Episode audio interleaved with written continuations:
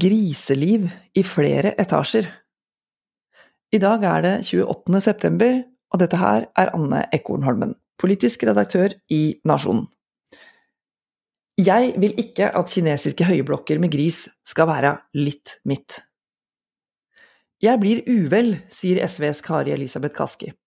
Per Olaf Lundteigen fra Senterpartiet føler behov for å minne om at matproduksjon handler om samspill mellom menneske og biologi, mens bildene fra Kina forteller om at teknologi har tatt helt over for den menneskelige bonden. Svinefabrikken til det kinesiske selskapet Muyan Foods setter sinnene i kok her hjemme. Der produseres det kjøtt fra 2,1 millioner griser hvert år, fordelt på 21 høyhus i flere etasjer.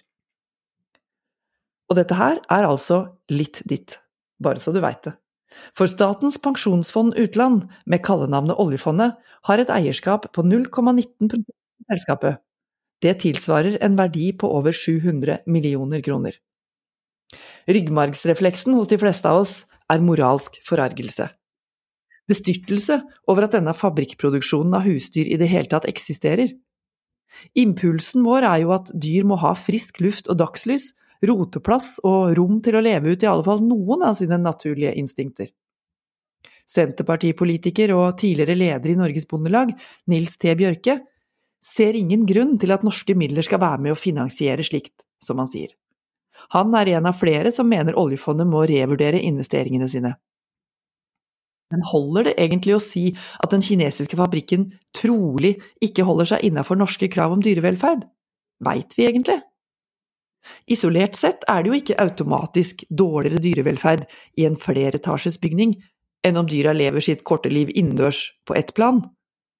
De gigantiske anleggene i Kina har kommet etter at landet for noen år siden blei hardt ramma av afrikansk svinepest og måtte slakte ned store deler av grisebestanden.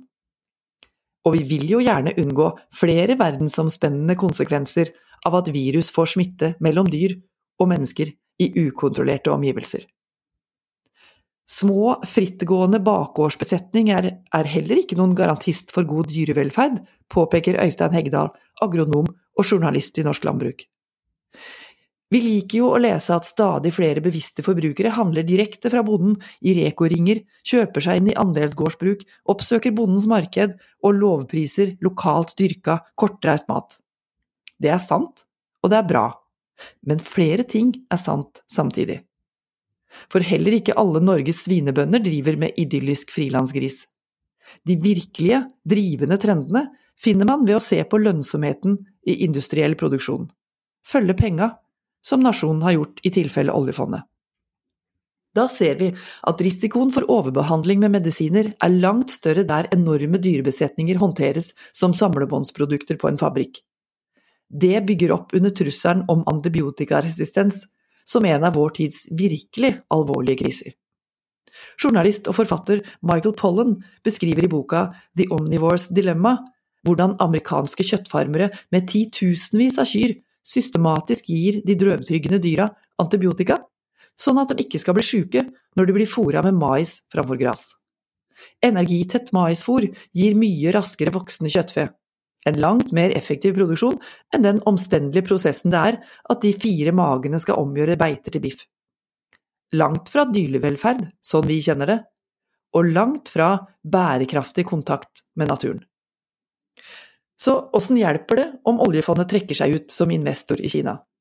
Det kan statuere et eksempel, vise andre verdier, men ute av syne, ute av sinn, hjelper neppe for annet enn bedre samvittighet og toede hender.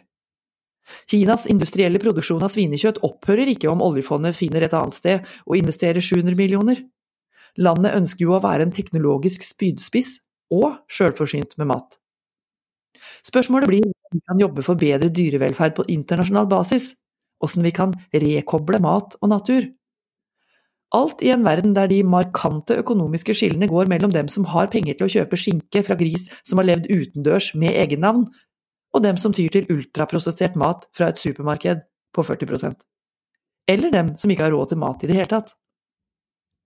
SV og MDG har tidligere foreslått at oljefondets investeringer skal legge vekt på klima og miljø, og samtidig holde seg unna selskap som ikke tilfredsstiller norske krav til dyrevelferd. Det fikk ikke flertall i Stortinget. De retningslinjene bør revurderes nå. Ikke bare fordi Nato-sjef Jens Stoltenberg har advart om å investere norske penger i selskaper i totalitære stater, men også fordi en så stor aktør som oljefondet sitter med makt til å påvirke en utvikling som går helt på tvers av all bærekraft. En løsrivelse av den grunnleggende forbindelsen mellom natur, dyr og menneske. Nå har du hørt Nasjonen på øret. Dette var dagens kommentar, lest av Anne Ekornholmen, og du finner flere kommentarer på nasjonen.no og der du hører dine andre podkaster. Vi høres!